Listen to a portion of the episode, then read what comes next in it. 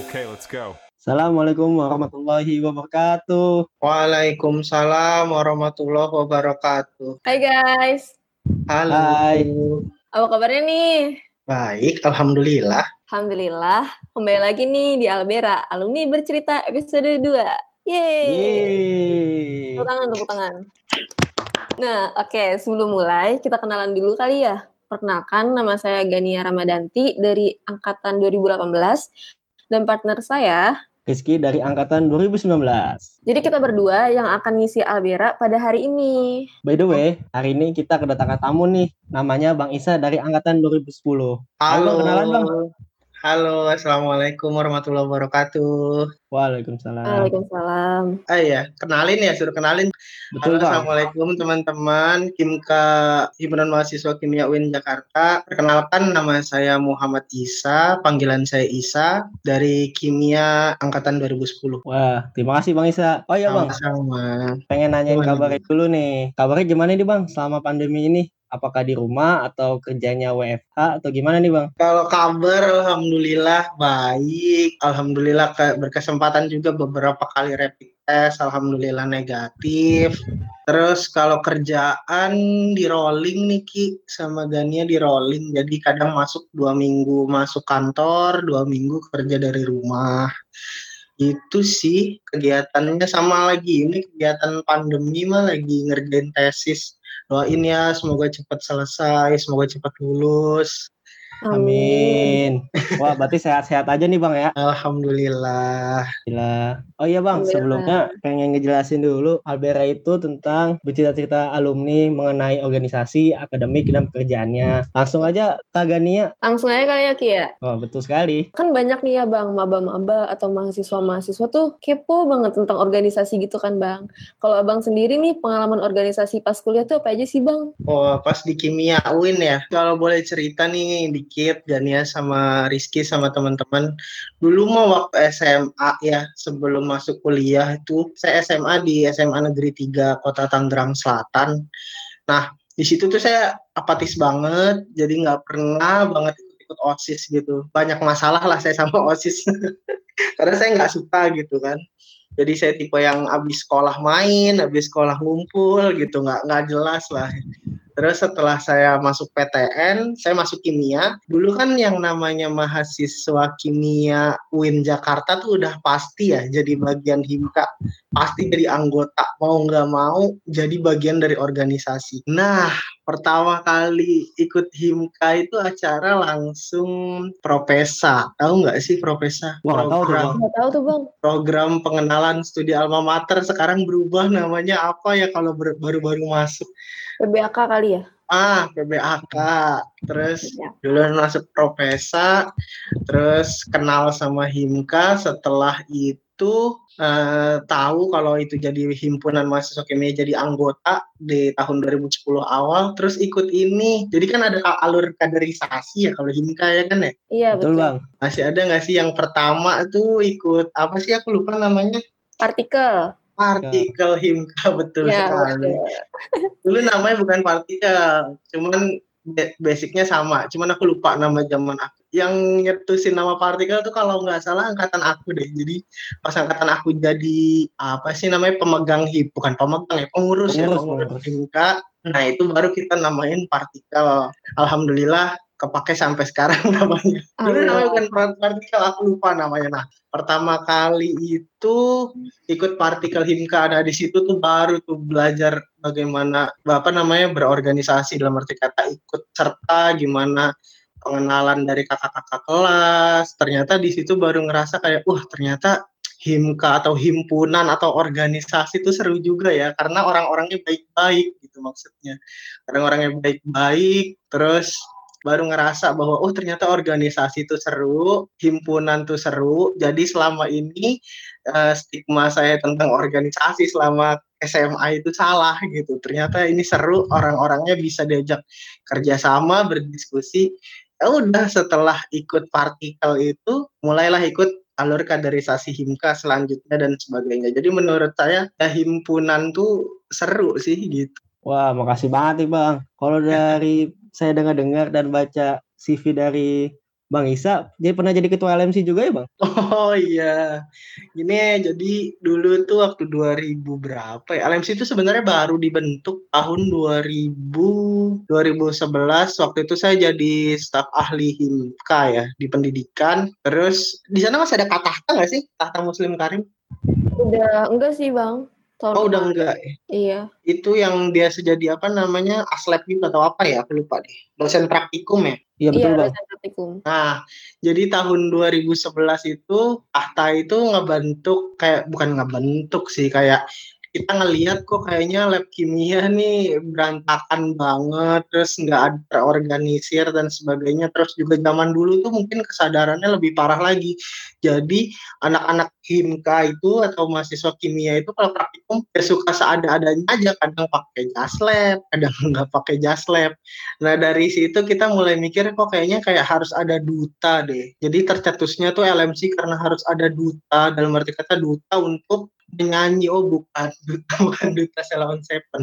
Duta untuk kesel- keamanan dan keselamatan kerja.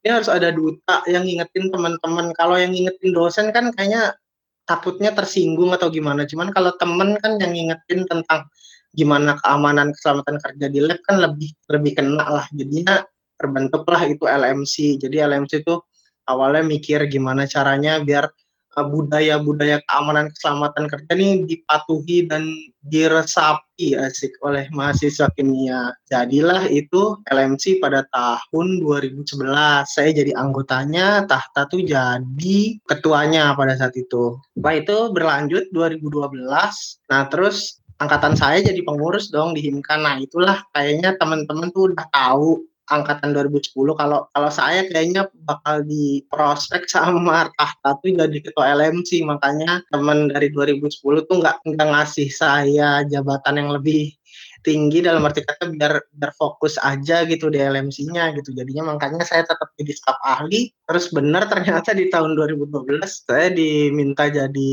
ketua LMC sama Tahta untuk yang selanjutnya gitu ceritanya. Wah keren banget nih. Oh, keren Iya banget? Bang. Keren banget. Kebetulan juga Rizky anak LMC nih, Bang. oh, asik. Betul Bang. Oke, Baru oke, masuk oke. kemarin Bang.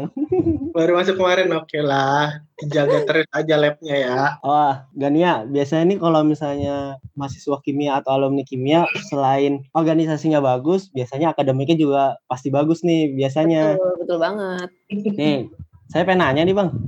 Kesulitan selama kuliah di kimia dan matkul yang paling susah apa sih Bang? Oke, oke. Saya pamer dulu dong IP saya. Anjay.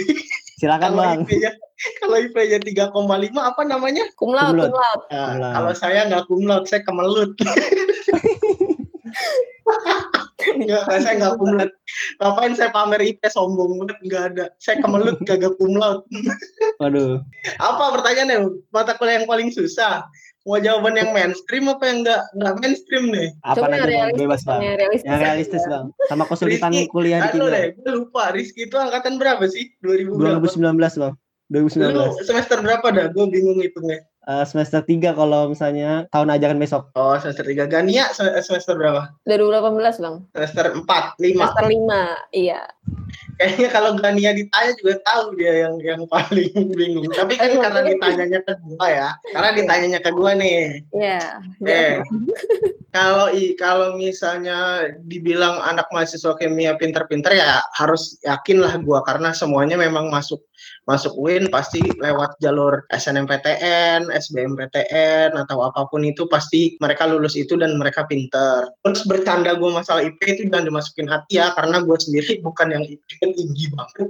Jadi itu gue cuman bercanda. Jadi IP berapapun nanti kita bahas lah nggak nggak terlalu ya nggak terlalu penting lah intinya. Jadi jangan dianggap masukin hati sombong banget kayak enggak gue IP-nya kemelut nggak kumlot. Terus kalau pertanyaannya mata kuliah yang paling susah oke jawabannya yang pertama mainstream ya kimia organik satu yang dua nggak susah karena gua A aja tetap sombong Aduh, insecure banget.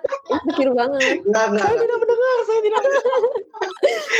Nggak, nggak. Jadi nggak gini jawabannya. Eh, kimia organik mata kuliah yang sulit tapi kalian punya dosen yang sangat baik menurut gue sangat baik dalam arti kata sangat baik dalam penyampaian sangat bagus dalam penyampaian sangat jelas dalam penyampaian. Dr. Siti Nurbait itu sangat bagus menurut aku capable banget di kimia organik. Jadi sebenarnya walaupun itu mata kuliah susah tapi sebenarnya dosen kalian capable maksud gue jangan jadi alasan kalau itu susah terus kalian nilai jelek berarti kalian yang malas menurut gue. Terus mata kuliah kedua yang susah kimia fisik sama kimia bahan alam. Jawaban gue yang gak mainstream. Mau tahu nggak ceritanya kenapa? Boleh tuh bang. Itu bang. Lanjut terus. Gire. kalau singkat aja ya kimia organik udah pasti semua susah. Gania juga kalau misalnya ditanya juga pasti dia kesusahan lah tahu lah jawabannya gimana. Cuman gue bosen ngejawab jawaban kimia organik itu mata kuliah susah karena nggak akan ngebantu kalian dalam lulus dari kimia organik malah ngebuat jadi stigma kimia organik makin menyeramkan gitu kan. Nggak nggak ada nggak ada nggak ada apa ya manfaatnya gue bilang kimia organik susah.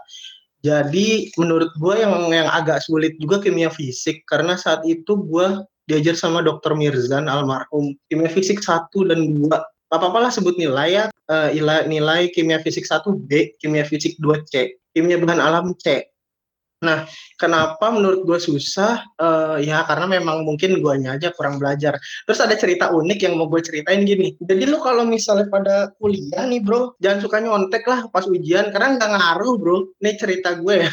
Iya, gue kimia fisik, gue nyontek sama temen gue karena gue nggak tahu jawaban kimia fisik gue tuh uasnya apaan.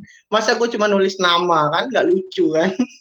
Disobek kertas gue sama dosen. Terus akhirnya gue daripada body spread banget udah gue nggak ngerti gue harus ngapain gue nyontek sama temen gue selesailah gue itu kimia fisik dengan mencontek. Sama case-nya sama kimia bahan alam. Kimia bahan alam dulu di angkatan gue dia jadi mata kuliah wajib. Tapi mungkin sekarang udah jadi mata kuliah pilihan gue dengar-dengar nah kimia bahan alam ini diampu sama bapak dede. Nah gue memang agak kurang pintar ya masalah organiknya. Kayak bahan alam lebih ke arah aplikasi organik di di alam gitu. Gimana sih dia senyawa aktif apa aja yang ada di alam. Nah itu hubungannya sama organik banget dan applicable banget sama alam sama nature. Nah gue tuh karena kurang pintar di dalam kimia organik jadinya gue pas uas jujur bro kimia fisik sama kimia bahan alam gue nggak tahu sama sekali jawaban dari setiap uas apa pas uasnya kimia fisik gue nyontek jangan dicon jangan dicontoh. Kimia bahan alam gue ngebet jangan dicontoh. Wallahi gue udah nyontek sama ngebet nilai gue C gimana berarti berarti nggak bisa pakai cara curang ya bang? Untuk mendapatkan nilai bagus. gak bisa.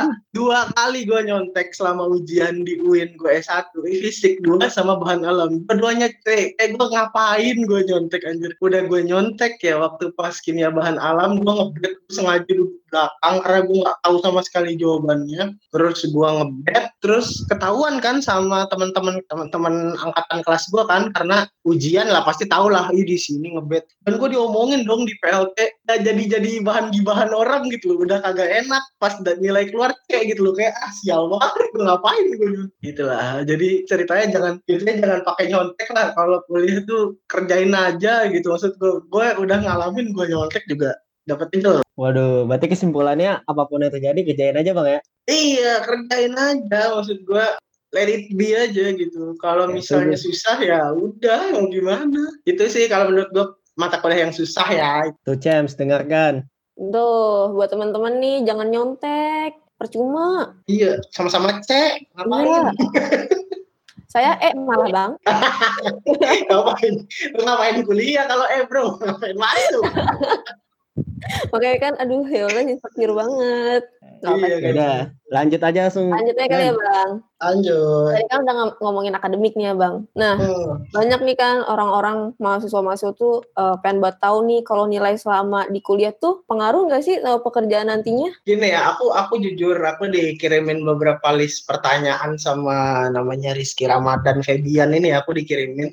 Nah, aku ngerasanya pertanyaan kalian tuh seru sih. Seru dalam arti kata gini, lucu, idealisme banget gitu. Maksudnya emang kalian tuh mahasiswa banget keren keren. Jadi pertanyaan tuh kayak tadi apa pertanyaannya uh, apakah nilai berpengaruh dengan pekerjaan, ya? Jawabannya gini deh. Tergantung. Jawabannya berpengaruh apa enggak tergantung. Kalau kamu jadi pengusaha nggak ngaruh. Kalau kamu mau daftar kerja ngaruh. Maksud aku gitu. Kalau misalnya kamu mau daftar kerja, itu pasti ngaruh karena nanti IPK itu akan mempengaruhi pada saat screening awal. Kayak misalnya gini, PNS aja lah, aku nggak usah susah-susah. Tes CPNS itu ada syarat minimal IPK-nya. It means apa? It means berarti IPK kamu penting di situ. Karena ada nilai yang harus ditakar IPK-nya minimal berapa, mau masuk Batan, mau masuk LIPI, itu IPK-nya harus berapa. Kalau kamu mau jadi pengusaha, itu nggak penting buat kamu karena kamu akan menjalankan uh, perusahaan kamu sendiri. Dan yang lebih penting adalah bagaimana skill kamu untuk ya berorganisasi. Karena kan nanti kalau kamu jadi pengusaha itu penting banget skill-skill berorganisasi. Gimana cara meyakinkan klien, gimana cara ngobrol sama investor, bagaimana cara kamu presentasi di depan mereka, meyakinkan mereka bahwa kamu tuh nggak salah. Hmm, betul banget tuh bang. Semoga pada ini kali ya, pada terbuka pikirannya. Oke. Okay. Oke bang, kita lanjut ke pekerjaan. Dari data yang saya tahu, kan abang kerja di Pertamina nih. Mm -hmm.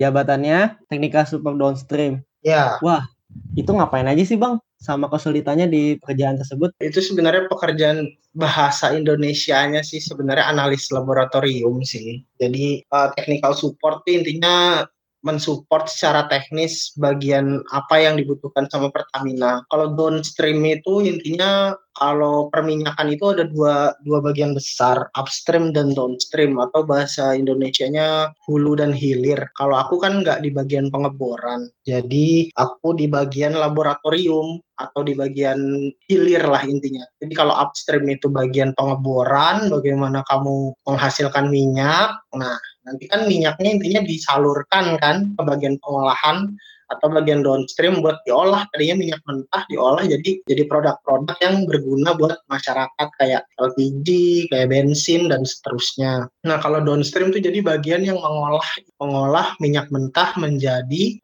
produk. Kalau kesulitan sih ya fluktuatif sih jadi nggak nggak bisa di nggak bisa dideskripsikan gitu kesulitannya apa aja gitu nggak bisa. Paling sih kesulitannya nggak nggak ada sih. Dalam arti kata selama pekerjaan itu kan kita bekerja sama ya bekerja sama dalam satu tim. Jadi mungkin kendalanya ya beda-beda. Kayak misalnya mungkin kalau project yang memiliki project dengan bahan baku yang memiliki densitas yang berat, berarti kesulitannya itu di bagian preparasi sampelnya. Kalau misalnya bagian pengujian sampel mungkin kesulitannya ya di bagian pengujiannya. Apalagi kalau misalnya pengujiannya itu kita belum pernah lakukan gitu. Sebenarnya beda-beda sih. Cara garis besar pekerjaan itu dilakukan bersama-sama dalam tim. Jadi bagaimana kalian aja mengolah itu biar nggak jadi sulit gitu. Oh iya bang, ngomong-ngomong soal pekerjaan Pertamina, kan angkatan 2018 sebentar lagi akan melakukan PKL nih di antara hmm. semester 5 dan 6. Kira-kira okay. ngebuka lowongan PKL nggak sih bang? Ini bagus pertanyaannya sih bagus ya. Yang arti kata gini, aku 2010 aku pertama kali PKL di Pertamina itu tahun 2013.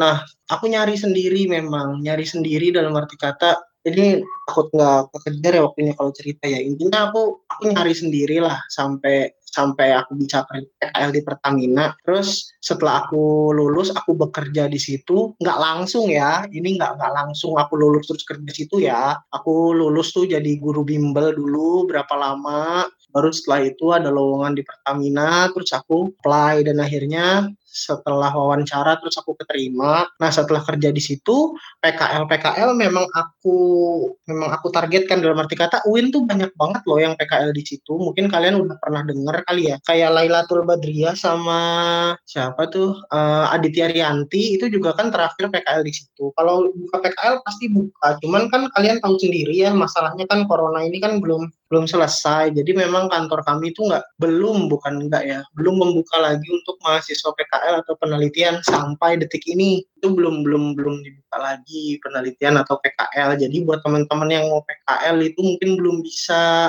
di situ aja sih. Wah berarti belum bisa ya bang? Iya belum bisa, tapi sebenarnya jujur dari angkatan di atas kalian tuh selalu ada loh setiap tahun bahkan sampai angkatan yang Lailatul Badriah itu sampai dia dia terakhir tuh kebetulan sama aku juga sih PKL-nya jadinya sampai dia tuh bisa. Cuman kan setelah itu kan ya ada corona ini kan, jadi ya gitu. Belum bisa, bukan nggak bisa. Pasti teman-teman 2018 pasti sedih banget sih. iya, makanya sih. Kita doain aja semoga corona cepat hilang ya, Bang. Amin. Nanti kalau corona udah hilang bisa belajar lagi ya di Pertamina ya PKL di sana. Amin. Minat banget bang. Banyak banget okay. sih teman-teman saya juga yang minat di Pertamina. Iyalah. Lanjut ya bang. Oke. Okay. Kan abang kerja di Pertamina nih ya. Nah skripsi abang tuh tentang sintesis organik gak sih bang? Sebenarnya itu tentang sintesis anorganik sih, itu kimia katalis. Jadi hmm. penelitian itu tentang aku ngebandingin metode pembuatannya. Jadi katalis untuk hidrotreating minyak tuh namanya alumina. Nikelnya itu promotor, molibdennya itu logam aktif, aluminanya itu penyangga, tapi dia harus dirubah dirubah dulu jadi gamma alumina dengan bantuan proses kalsinasi dan sebagainya. Setelah itu baru diimpregnasikan. Impregnasi itu maksudnya dimasukkan logam-logam yang tadi aku bilang. Nah, penelitian aku tuh ngebandingin gimana cara pembuatannya ada impregnasi basah, ada impregnasi kering kayak gitu. Jadi nanti setelah aku bandingkan pembuatannya, terus aku uji lah itu gimana kalau pakai impregnasi basah, gimana kalau pakai impregnasi kering hasil katalisnya. Nanti dibandingin sama katalis existing atau katalis yang biasa dipakai sama Pertamina. Karena kan kalau misalnya udah ketahuan nih cara buatnya gimana, siapa tahu bisa berguna untuk ya pembuatan selanjutnya gitu kalau emang pengen ngebuat Oh gitu, berarti judul skripsi itu nggak nentuin pekerjaan kita nanti ya bang? Apa nentuin? Nah ini jawabannya maksudnya kalau aku bikin skala dari 0 sampai 100% itu nggak nggak ada, eh, bukan nggak ada ya, mungkin 5%. 5% dalam arti kata skripsimu menentukan pekerjaanmu selanjutnya itu bahkan 5%. Menurut aku tuh kecil banget, kecil banget. Kecuali kalau memang skripsimu itu suitable atau memang sejalan sama tempat kamu diterima kerja dan kamu bisa presentasikan ini saya punya skripsi kayak gini terus penelit apa kantor yang kamu baru nerima kamu tuh kayak oh ini yang kami cari terus ya udah gimana? Kami lakukan kita lakukan penelitian bersama pakai pakai skripsi kamu. Terus jadi uh, produk yang sama-sama perusahaan dan kamu hasilkan waktu skripsi terus bisa dijual dan bisa menguntungkan bagi perusahaan. Itu kan apa ya keberuntungan yang beruntung banget ya menurut aku. Nah tapi sebenarnya di dunia kerja tidak berjalan seperti itu. Jadi ini aku bilangin ya, skripsi kamu itu di HRD itu nantinya akan dinilai bukan bagus atau tidak, sulit atau tidak. Ya itu memang secara garis besar iya akan dinilai seperti itu. Tapi kan ini loh, HRD itu kan bukan jurusan kimia kan, psikologi atau human resource atau apa pun. Jadi dia nggak akan menilai dan nggak bisa menilai dan nggak punya kapabilitas menilai skripsi anak kimia itu sebagus apa atau sesusah apa. Nah, yang akan mereka nilai ada adalah bagaimana konsistensi kamu dalam mengerjakan itu dan bagaimana cara kamu menyelesaikannya. Kesulitan apa yang kamu temui pada saat kamu melakukan skripsi dan bagaimana cara kamu mengatasi kesulitan itu. Itu yang akan dinilai sama HRD di mana pun kamu melamar pekerjaan gitu sih menurut aku. Oh gitu bang, berarti bisa banget nih buat kakak-kakak 2017, 2016 yang nantinya mau skripsi. Lanjut kali ya bang ke sesi selanjutnya ya bang lanjut ke sesi selanjutnya itu jadi di IG Himka itu kita buka question box gitu bang. Jadi buat mahasiswa-mahasiswa atau mahasiswa baru yang pengen bertanya-tanya tentang di uh, podcast Albera ini bisa langsung nanya. Nah di sini tuh ada pertanyaan dari at Atika Yuningsih dan at Nurka Bagaimana Kak agar kita memplanning mental kita untuk langkah yang kita ambil di jurusan kimia dan gimana ya Kak cara kita ketika mau melamar kerja kita bisa percaya diri banget. Menurut Abang gimana tuh Bang? Kalau jawab si Atika Yuning sih dulu ya memplanning mental kita untuk langkah yang kita ambil di jurusan kimia. Ya. Uh, gimana ya? Yang pertama sih gini kalian harus masuk jurusan kuliah itu yang memang kalian cintai ya. Maksudnya memang kalian pengenin gitu. Jadi kalau misalnya ini dengan memplanning langkah kita selama kuliah di kimia kalau yang kalian pilih ini kimia UIN ini dalam arti kata masuk kimia ya bukan UIN ya kimia kim, masuk kimia ini bukan pilihan kalian atau kalian ikut-ikutan. Mau kalian planning gimana juga sebenarnya susah menurut aku. Susah dalam arti kata mem, susah gini loh. Susah membawa hati kalian untuk menjalani ini gitu nah kalau misalnya anggaplah ini pertanyaan dari uh, memang yang memang udah masuk dan memang mencintai kimia ya kayak kayak kita gini ya kayak kayak kita yang memang alhamdulillah banget gue bisa kuliah di UIN dan gue harus menyelesaikan dengan sangat baik. Jadi planningnya gini sih sebenarnya. Yang pertama jangan apatis sama uh, organisasi. Planningnya tuh yang pertama jangan terlalu tutup mata lah intinya dengan organisasi karena banyak banget teman-teman gue juga yang mungkin apatis gitu, nggak peduli uh, sama himka atau gimana. Gue sih nggak gue sih nggak bisa nggak bisa menahan kalian ya buat mencintai Himka seperti teman-teman Rizky Yulia Gania ini mencintai Himka nggak bisa. Karena cinta tuh nggak bisa ditakar kayak gitu. Dalam arti kata gini uh, kalaupun kalian tidak mau untuk berkontribusi secara penuh di Himka setidaknya kalian harus uh, ikut organisasi lain kayak di UKM dan sebagainya. Mungkin itu itu membantu juga. Gimana cara memplanning? Yang pertama kita harus mampu untuk berorganisasi di mana pun itu. Alhamdulillahnya kimia ada wadah himka, ada wadah LMC juga, terserahlah. Atau dua-duanya kan haruslah harus kalian tekunin. Terus kalaupun kalian memang tidak begitu gimana ya, tidak begitu cinta atau tidak begitu serap atau gimana, ya mungkin kalian bisa organisasi di tempat lain di UKM. Terus planning yang kedua, mungkin kalian harus apa ya? Ini lebih ke arah akademik sih. Mungkin kalian harus kalian harus tahu setiap semester yang kalian laluin tuh uh, apa aja mata kuliahnya. Karena kan pertama tuh pasti kalian harus ngisi KRS tuh di di AIS ya. Kalian harus tahu nih, oh mata kuliah ini tuh nantinya akan belajar ini. Nah, itu bisa kalian dapat dari kakak kelas kalian. Memang tidak tidak semerta-merta semua yang kakak kelas kalian udah lakuin di mata kuliah itu harus kalian minta, tapi setidaknya tanya sama mereka ini kak ini ngebahas apa sih gitu. Sebahas se, se itu aja, secukup itu aja. Karena kakak kelas kalian juga bukan dosen ya kan. Nah terus uh, planning yang ketiga setelah kalian udah planning organisasi, kalian planning juga akademik di setiap semester.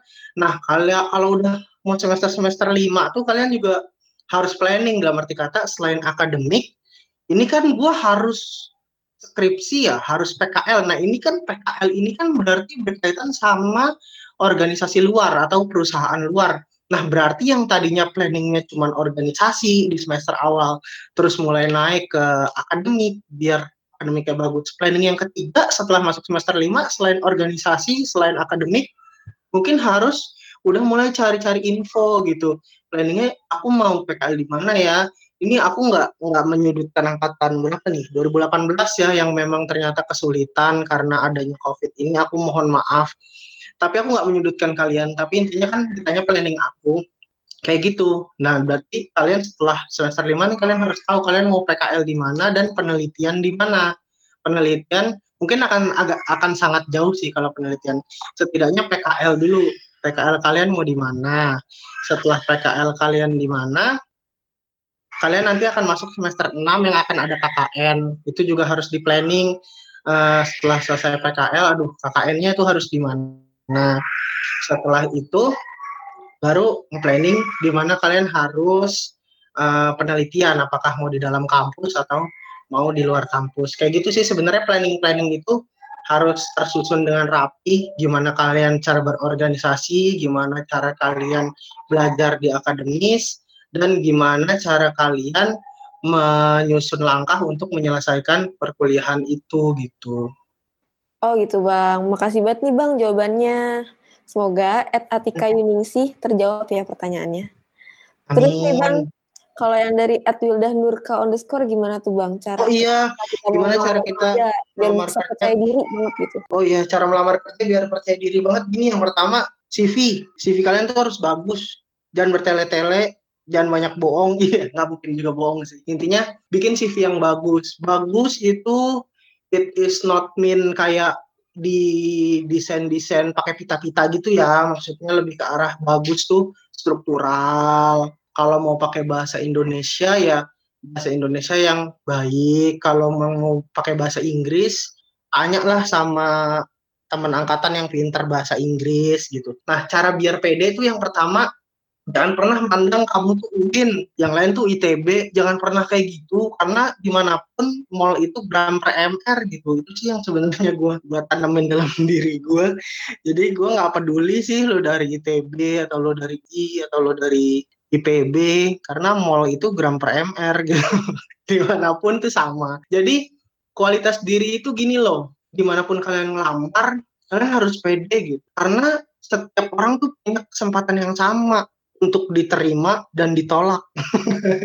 Itu punya kesempatan yang sama untuk diterima sama ditolak. Jadinya persiapin diri aja yang paling bagus, eh paling bagus, paling rapi. Misalnya disuruh apa? CV, oke, okay. ijazah, oke, okay. transkrip nilai, oke. Okay. Siapin semua berkas yang memang dibutuhkan pada saat pelamaran kerja. Setelah itu kumpulkan dengan waktu yang tepat. Misalnya suruh kumpulin tanggal segini, Nah, kadang gini loh, ada nih ya gue bilangin aja ya, lamaran nih, kadang lu disuruh ngirim nih, misalnya tanggal 17 Agustus diterima gitu, tanggal 17 Agustus, lu kir lu kamu mesti kirim dengan capos. Nah, kayak gitu-gitu maksudnya ada hal-hal yang memang harus lu perhatiin sampai akhir gitu. Jangan lu mentang-mentang deket nih rumah lo perusahaan. Ah terima tanggal 17 Agustus nih. Gue kirim aja langsung ke satpam. Ya memang nantinya akan ke satpam semua sih dari si ekspedisi itu. Cuman ini kan suruhnya pakai cap pos gitu kan.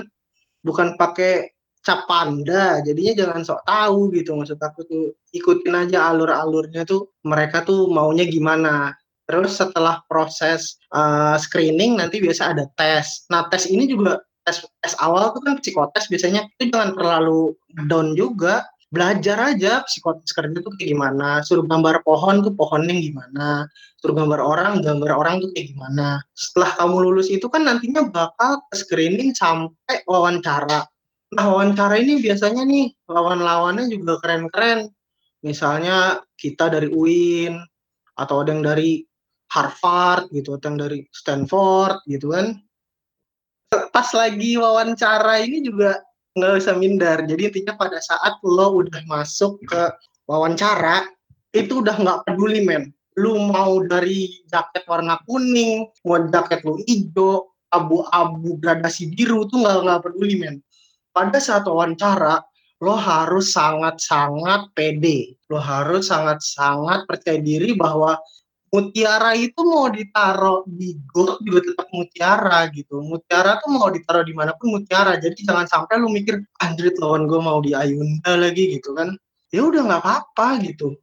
Santai aja. Jadi setelah setelah selesai itu semua baru apa namanya tawakal sama Allah. Udah intinya gitu aja sih. Wah, makasih banget nih Bang. Jadi hmm. terbuka nih pikiran. Iya. ya, terima kasih nih Bang. Untuk at Wilda Nurka underscore, semoga terjawab ya. Lanjut. Lanjut. Oke, lanjut Bang ke pertanyaan selanjutnya. Ini dari Wilda Nurka underscore lagi nih yang nanya. Emang iya? Betul, betul, betul Bang. Kasih WA Jadi tanya gini. Jadi tanya gini Bang. Tolong Bang ceritain pesan-pesan kakak waktu pertama kali kerja di Pertamina Oh iya bang, sama satu lagi. Ini pertanyaannya setipe juga dari Ed Labat. Pertanyaannya adalah pengalaman kerja di Pertamina apa sih? Gitu. Terima kasih bang. Oh, oh ya, oke oke. Yang pertama dulu ya, gimana? Eh ceritain kakak kesan pertama kali kerja di Pertamina. Iya, yang pertama pasti bangga lah ya intinya. Kalau kesan pertama tuh ya, ya kamu kerja di suatu perusahaan yang yang cukup baik lah intinya. Terus ya pasti bangga. Pertamanya sih itu sih kesan pertamanya.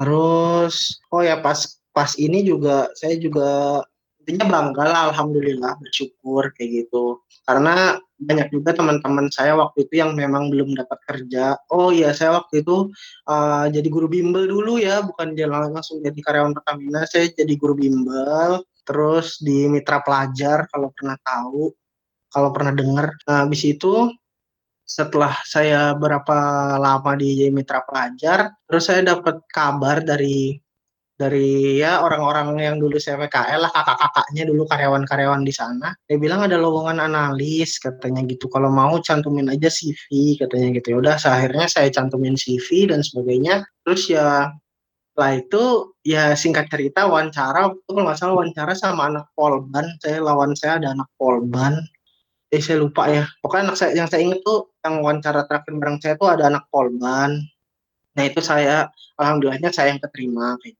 pesan pertamanya ya alhamdulillah lah bersyukur. Terus pertanyaan yang kedua, pengalaman kerja di Pertamina, pengalaman kerja mungkin ada banyak proyek sih yang pernah saya saya lakukan gitu. Proyek dalam arti kata proyek penelitian dan pengembangan lah, research and development yang yang dilakukan sama Pertamina dan saya ikut in charge di dalamnya. Pengalamannya yang pertama banget tuh saya riset tentang uh, mikroalga atau minyak yang dapat dihasilkan dari mikroalga atau bahasa Inggrisnya mikroalga itu oil. Yang pertama pengalaman kerja paling pertama saya. Teknis pekerjaannya gini loh, uh, aku tuh jadi analis lab alga dan itu aku harus benar-benar menjaga kesterilan dari strain atau kultur yang aku jaga, yang, yang aku yang aku tanam lah bahasanya. Nah, scale up scale up itu dilakukan dari mulai kecil sampai besar. Paling besar tuh skala 200 liter. Nah, 200 liter itu kalau kalian tahu ada di akuarium waktu itu. Uh, inokulumnya ditaruhnya di akuarium. Akuarium itu harus bersih dong. Nah, yang bersihin akuarium siapa? Analisnya. Nah, gue kerjaannya waktu pertama kali itu kalau udah scale up sana, gue gosok-gosok akuarium, bro. Waktu itu. Tapi nggak ngacilin ya, maksudnya ini kan teknis pekerjaan pada saat pertama kali kerja di situ ya ini pertama kali loh jangan jangan dan terlalu menyudutkan gue jadi gue tuh sampai pertama kali sempat mesti bersihin akuarium bahkan sempat waktu itu mau ada kunjungan industri dari UIN Jakarta datang ke kantor gue bahkan gue sampai minta sama sama manajer gue untuk apa untuk bilang Bu, boleh nggak Bu saya hari ini nggak nggak kerja scale up ke 200 liter, saya scale up yang di lab aja. Karena kalau misalnya dosen saya lihat waktu saya kerja di 200 liter, ter mereka kayak ya Allah lulusan UIN masa kerjaannya ngolap-ngolap akuarium gitu loh. Itu pengalaman paling pertama sih. Setelah itu singkat cerita kayaknya nggak ekonomis mikroalga itu L masih masih masih terlalu jauh lompatannya. Mungkin alga biasanya masih dipakai di skincare yang dipakai sama Gania gitu kan. Jadinya mungkin alga jadi skincare aja lah dulu nggak bisa jadi minyak. Akhirnya ganti ke project lain nah ini udah mulai lebih lebih Pertamina lah kerjaannya. Jadi lebih ke arah uh, rubber processing oil. Jadi project kedua aku tentang bagaimana kita membantu produsen-produsen ban di Indonesia kayak PT Gajah Tunggal. Jadi kita bekerja sama untuk cari tahu gimana nih bahan baku ban yang memang ramah lingkungan yang memang bisa digunakan atau diterima oleh pangsa pasar di nasional maupun internasional. Selanjutnya terus-terus saya akhirnya mulai dilibatkan yang terakhir ini project solvent kayak gitu. Jadi bagaimana Pertamina itu bisa ikut campur juga bukan ikut campur ya ikut menjual juga produk-produk solvent untuk uh, untuk industri cat untuk industri pewarna dan sebagainya kayak gitu sih sebenarnya. Uh, pengalaman kerjanya sih kayak gitu sih. Wah nyata banyak lika-likunya ya bang ya. Iya banyak pekerjaan itu. Terima kasih bang atas infonya. Semoga menjawab pertanyaan dari Ed Wildanur ke underscore dan Labat. Lanjut kan. Lanjut Bang. Lanjut. Ini pertanyaan nih Bang dari Ed Nur Azizah Dwi N. Hmm. Gimana caranya tahu kalau kita punya skill dan passion di bidang kimia? Gimana tuh Bang? Nih jawabannya gini loh. Passion itu nggak bisa dipaksain ya.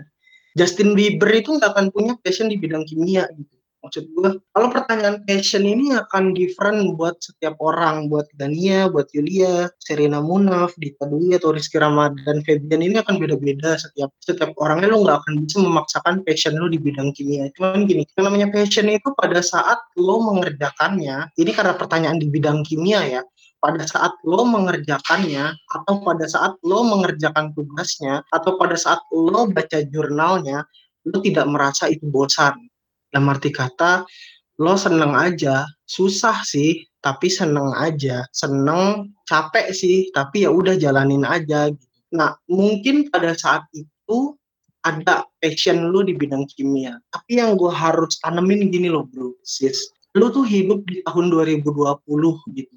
Jadi jangan lu mendiskreditkan passion itu hanya di bidang kimia. Ini yang jadi masalah yang gue pengen sampein ke teman-teman kimia. Jadi kalau passion kalian itu bukan di bidang kimia, kalian tuh jago nyanyi, kalian tuh jago editing video, kalian tuh jago nari, kalian tuh jago fotografi, itu jangan dikesampingkan gitu tugas kalian di sini adalah menyelesaikan perkuliahan kalian kimia ya kimia ini harus diselesaikan. Kalian harus dapat sarjana sains. Nggak peduli. Gua nggak peduli lo mau lima tahun mau empat tahun tiga tahun setengah tujuh tahun. Maksimal jangan sampai lo harus selesai ini. Passion lo bukan di bidang ini. It doesn't matter man. Itu bukan masalah. Jadi gini maksud gue kalau lu memang pengen tahu passion lo di bidang kimia ya tadi lo kerjain, lo setiap penelitian lo bahagia, passion lo di situ. Lakukan, ambil S2 di ITB atau di UI. Gue bilang gini karena nggak ada S2 kimia UIN ya. Jangan bilang kenapa nggak di UIN. Jangan kayak gitu. Maksud gue, lo S1 nih kimia, lo punya passion di bidang kimia, lo lanjutin. Lo contoh tuh Ali Al-Harasi, angkatan 2008. Dia bisa kuliah di luar negeri di Jerman. Dia bisa sampai S3 di Jerman. Maksud gue, that is the passion of chemistry gitu kalau lu enggak, jangan dipaksain maksud gua. Tapi lo harus menyelesaikan ini secepat mungkin, seselesai mungkin. Lo mau jadi beauty vlogger itu doesn't matter, men. Lu gak masalah mau jadi beauty vlogger.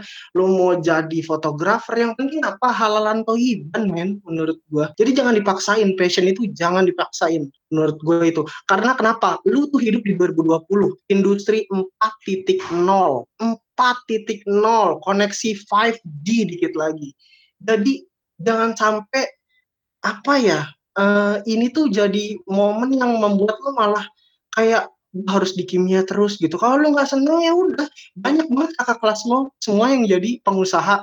Denny, lo tahu angkatan 2007 namanya Doni. Doni itu jadi apa? Jadi chef sekarang kimia. Dia punya restoran sendiri, punya punya ini sendiri gitu maksud gue. Jadi kalau misalnya passion lo bukan itu, jangan jangan dipaksain. Kerjakan apa yang lo suka, tapi selesaikan tanggung jawab lo. Maksud gue gitu. Oh, Udah sih. Bang. Wah, jawabannya panutan banget sih, Bang. Keren, Parah keren, keren. Gila. Gue ngapalinnya dua tahun itu. Mantep banget, Bang. Makasih ya, Bang. Hmm, sama-sama. Semoga Ednur Azizah Dwi jawabannya tuh kejawab. Karena ini jawabannya udah keren banget sih. Sampai speechless. Wih, gila. Lanjut, Ki. Lanjut. Nah, sekarang pertanyaan dari calon maba nih Bang, dari angkatan 2020. Dari Ed Axvidia. Okay. Prospek kerja atau pekerjaan alumni jurusan kimia UIN Jakarta apa aja sih Kak? Biasanya saya calon maba. Oke. Okay. Mohon dijawab Jawaban. Oke, okay, siap. Prospeknya uh, banyak banget ya. Jadi gini, ini terkaitan sama pertanyaan bagaimana kita melamar kerja agar percaya diri banget. Jadi dengan gua udah ngejawab itu, jadi lo jangan sampai mikir prospek kerja alumni UIN ya. Ini maksudnya ini ini ini agak-agak sedikit sulit karena prospek mungkin prospek kerja kimia ya. Karena gue harap lo setelah gue jawab itu lo udah confident banget, lo nggak peduli lo dari UIN mau dari UI, mau dari UII, mau dari Harvard gitu. Jadi lo tuh setelah lulus dari UIN lo harus percaya diri lo punya bekal gitu. Lo punya bekal organisasi lo punya bekal uh, akademik.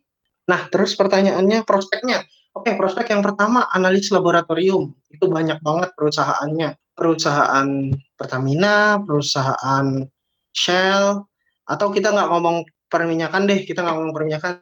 Food and beverage ngerti kan? PT Indofood TBK berapa banyak kakak kelas lo yang udah jadi manajer di sana? Teman gue yang angkatan gue 2010 uh, Mufli Widarbo Santoso itu udah jadi manajer area lo di PT Indofood. Maksud gue prospek kerjanya seluas itu. Uh, analis laboratorium, mau jadi analis pangan halal, mau lo jadi BPOM, ada kayak angkatan 2011 uh, Armila Mimiti, dia jadi PNS di BPOM, uh, terus apalagi ya? Uh, mau jadi pengusaha it's okay. Mau jadi yang bikin restoran it's okay. Mau jadi fotografer it's okay. Mau jadi apalagi ya? Kalau dari bidang kimianya itu ya kayak di bidang food and beverage perminyakan terus kemudian lagi ya bisa mungkin PNS ya PNS sorry. PNS itu penelitinya banyak ya maksudnya kayak Batan LIPI itu semua kimia terus CP apa PNS BPOM itu kan Badan Pengawas Obat dan Makanan itu kimia juga. Jadi oh satu lagi uh, Baris Krim Polri loh. Nggak nggak nyangka kan? Jadi Baris Krim Polri itu ada program SPSS gue lupa nanti lo pada searching aja. Itu ada penerimaan setiap tahun ya. Tapi gue nggak ngerti kalau covid ya.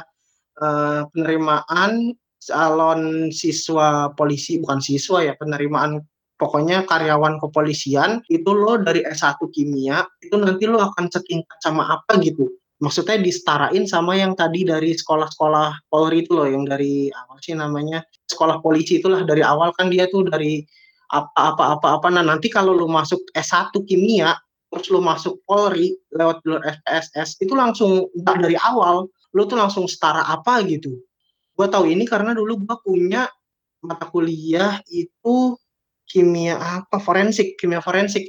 Itu gue langsung diajar waktu angkatan gue beruntung banget sama polisi langsung gue lupa namanya siapa pangkatnya apa gue lupa. Pokoknya dia polisi langsung dan dia memang ngasih tahu gue uh, kalau mau masuk polisi bisa dari kimia. Udah itu aja sih.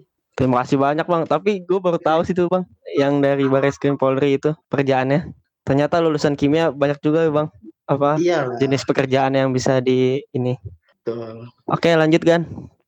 Lanjut. Nih Bang, ada pertanyaan. Nah, ini tuh kayak setipe juga dari Ed Romans Fauzan dan Ed Fikri Haikal. Abis lulus, mending kerja dulu baru S2 atau langsung ngambil S2. Terus setelah kita lulus, lebih baik ikut magang dulu atau langsung melamar kerja ya Kak? Gimana tuh Bang menurut Abang? Oke, gini, sebenarnya tergantung sih ya, maksudnya gini, kalau misalnya, aduh gue nggak bisa gini ya, gue nggak bisa jawab dalam arti kata, gue nggak bisa menyamakan loh, setiap orang tuh harus ngambil S2 dulu atau mau ngambil kerja dulu atau gimana, karena itu akan beda-beda setiap orang. Jadi gini, jawab ini buat teman-teman yang dengar gue di Spotify nanti gue minta maaf ya, gue nggak, ini kan berdasarkan pemikiran gue setuju atau enggak dan gue bukan praktisi dan gue bukan apa ya influencer atau apa jadi lu nggak nggak mesti ngikutin gue lu pasti punya jalan terbaik buat lo sendiri. Kalau gue gue jawab gue aja ya kenapa gue kuliah gue kerja dulu baru kuliah? Yang pertama karena gue nggak bisa jawab lu tuh harus kuliah dulu atau S2 dulu it depends on you maksud gue kalau lu ngerasa setelah lulus kimia lo masih punya hasrat yang besar untuk belajar saran gue lo S2 aja saran gue lo ambil lagi kimia mau di UI, mau di ITB, mau di luar negeri sekalian, nggak apa-apa. Kenapa gue bilang UI atau ITB nih jangan jangan diskredit ya, karena nggak ada kimia, belum ada kimia S2 di UIN. Kalaupun ada boleh lo masukin. Kalau misalnya belum ada, lo harus kan cari realistis ya, lo harus cari S2 di mana kampus yang bisa menerima lo. Mungkin lo bisa coba UI, lo bisa coba ITB atau bisa di luar negeri sekalian. Karena lo masih punya hasrat yang sangat tinggi dalam belajar. Ambil kimia lagi Terus kalau misalnya emang lo pengen coba kerja ya udah lo coba kerja aja dulu. Allah semoga lo dapat pekerjaan yang halal toyiban, lo kumpulin uang, baru lo ambil S2 sesuai yang lo pengen. Kalau gue sih lebih ke arah karena gue waktu itu pengen kerja, jadi waktu itu gue jadi guru bimbel, terus gue coba cari-cari kerja, sampai akhirnya sekarang coba S2 gitu. Berarti tergantung pribadi masing-masing ya bang? Iya, karena gue nggak berani lo harus ini dulu, pasti takutnya jatuhnya salah gitu loh. Maksudnya ada yang setuju sama gue, oke. Okay. Kalau ada yang nggak setuju, gue dibanjirin komentar kan, kayak yang anjay-anjay itu kan gue jadi gak enak. setuju banget. Makasih nih Bang jawabannya. Semoga Ed Roman hmm. Fikri Haikal terjawab. Hmm. Lanjut nih Bang, ada pertanyaan terakhir. Pertanyaan terakhir nih Bang, yaitu Boleh. dari Ed Ali Marono di dunia kerja skill organisasi apa yang sering digunakan? Mohon okay. dijawab bang. Skill organisasi apa yang di di apa namanya digunakan? Sebenarnya gini loh, itu nggak nggak nggak seumum nggak sespesifik itu ya. Jadi nggak mungkin kan lo ditanya, oh kamu profesor ya waktu itu ya. Ya udah kita lakukan PBAK di kantor ini kan nggak mungkin. Skill-skill kayak gitu kan, kamu pernah jadi divisi acara ya, jadi divisi acara di sini untuk PBAK juga nggak mungkin, nggak akan mungkin. Jadi skill organisasi yang dipakai itu tuh kayak bagaimana cara lo berbicara di depan orang, bagaimana cara lo membuat presentasi ini membuat presentasi ini lo harus pikirin ya pada nih mahasiswa-mahasiswa UIN dengan lo bikin PPT tapi bikin cerpen gitu rasa gue pengen mbak mas duduk aja gitu. Jangan bikin terpen maksud gue lo harus pinter lah bikin PPT gitu. Gue nggak peduli lo ngerti atau maksudnya bukan nggak peduli lo ngerti apa enggak ya presentasi lo harus ngerti. Tapi maksudnya gini lo lo harus peduli orang itu ngerti apa enggak yang lo sampaikan. Karena kalau enggak percuma aja lo maju gitu maksud gue jadi bikinlah PPT yang bagus karena skill apa yang akan nanti dipakai di perusahaan. Yang pertama bagaimana cara lo berorganisasi? Dalam arti kata berorganisasi bagaimana cara lo berbicara sama orang bagaimana cara lo berpresentasi di depan orang lain? Bagaimana PPT yang lo buat? Terus bagaimana cara lo bekerja sama? Lu tuh leader tapi lu tuh bukan bos. Maksud gue janganlah kayak gitu juga dari zaman kuliah. Lu jangan sampai kayak gitu. Maksud gue kalau lu jadi ketua acara apa pun itu ya lu bantu temen lu tapi jangan sampai kayak eh, itu kan tugas divisi lo lo harus selesai mau nggak mau ya itu lo kerjain aja sama kurcaci kurcaci gitu kan. Kalau menurut gue ya lo harus bantu teman-teman lo intinya itu sih. Terus yang terakhir banget skill apa yang dibutuhkan dari uh, organisasi jujur men. Jujur tuh mata uang yang berlaku di mana-mana. Jadi maksud gua pada saat lo nanti bekerja, lo bisa aja jadi finansial dari suatu perusahaan startup yang udah jago, atau bisa aja lo jadi perusahaan finance di bidang apa. Pada saat lo nggak jujur gitu, itu tuh bahaya. KPK banyak kerja gitu maksud gua.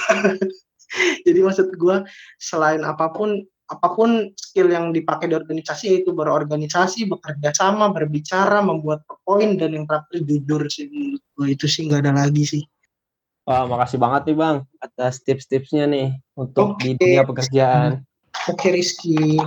Semoga Ed Aldi underscore Marwono terjawab ya. Eh, amin. Gak kerasa nih guys, sesi 2 udah selesai, sesi tanya jawab. Dan gak kerasa juga kita udah di sesi terakhir, di penutup, udah banyak pertanyaan yang udah dijawab dan mungkin terakhir ada yang mau Bang Isa sampaikan nggak buat teman-teman kimia yang ngedengerin podcast ini? Ada nggak Bang? Yang, yang terakhir sih semangat terus kuliahnya, uh, lulusin ini. Lo ingat aja orang tua lu. Kalau gua ngomong kayak gini, mohon maaf orang tua kalian sudah pergi. Tidaknya kalian harus bertanggung jawab sama diri kalian sendiri gitu maksud gue tuh bicara kayak gini itu sebenarnya buat gue sendiri karena gue sama sama-sama lagi kuliah sama kayak kalian dan ini tuh jadi tanggung jawab gue dan gue ngerasain lah kalian tuh gimana susahnya kuliah di sana gimana ngerasain. Yang penting kalian harus semangat dan menurut gue yang terakhir kalian harus banget cari passion kalian apa. Karena jangan sampai kalian cuma jadi orang yang mengandalkan yang mengandalkan ijazah S1 untuk bertahan hidup ini ya karena itu bahaya banget. Karena nggak semua orang itu di zaman 4.0 ini mampu tembus CPNS kalian boleh berjuang di situ tapi jangan jadikan itu sebagai satu-satunya mata pedang yang kalian gunakan. Maksud kalian cari kesibukan lain, bukan kesibukan ya, keterampilan lain. Kalian jago fotografi, kalian harus jago itu karena di zaman 4.0 ini nih ya, di industri 4.0 ini kalian nggak bakal tahu men. Zaman dulu, zaman gue, gue kebanyakan main handphone, main game, gue bakal dimarahin sama orang tua gue. Zaman sekarang, just no limit, main game, bisa beli Lamborghini kan gue kesel kan maksud gue kenapa gue gak dari dulu main game intinya bukan itu maksud gue lo harus temukan passion apa yang memang bener-bener lo bisa tampilin. Jadi menurut gue nggak masalah kimia bisa masak, kimia SSI bisa fotografi, kimia S1 bisa make up artist atau apa pun itu nggak masalah karena keterampilan itu yang akan nolong kalian di zaman 4.0 ini. Kalian mau fight untuk CPNS, untuk BUMN, lakukan karena semua kakak kelas kalian berhasil di sana. Ada yang masuk perbankan, mandiri, ada yang masuk Indofood, ada yang di Pertamina, ada yang di mana pun terserah kalian. Coba, coba, coba. Tapi jangan sampai itu dijadikan satu mata pedang aja buat kalian bertahan hidup. Lakukan juga kesenangan yang lain, hobi yang bisa menghasilkan uang. Cari itu. Makasih banget nih Bang ujangannya.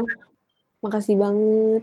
Semoga apa yang udah kita bahas hari ini tuh bisa bermanfaat buat kita semua. Amin. Kalian bisa loh kasih pertanyaan seperti tadi ke alumni di Albera selanjutnya. Dengan mantengin aja di IG Himka, karena akan ada question box di sana. Jadi jangan sampai terlewat ya. Oke, terima kasih nih buat Bang Isa yang sudah bersedia hadir di Albera episode 2 kali ini. Sama-sama, Rizky. Makasih, Bang. Makasih, Bang. Oh iya, terima kasih juga buat semua yang sudah mendengarkan podcast kita sampai akhir ini. Tetap jaga kesehatan, pakai masker, dan tetap jaga jarak ya guys. Untuk episode sebelumnya jangan lupa didengerin juga episode 0 dan episode 1 untuk mengetahui tentang alumni-alumni Kimia UIN Jakarta yang keren-keren seperti ini. Sekian podcast kita hari ini. Mohon maaf bila ada salah kata. Sampai bertemu lagi di Albera episode selanjutnya. Wassalamualaikum warahmatullahi wabarakatuh. Terima kasih semuanya. Dadah guys.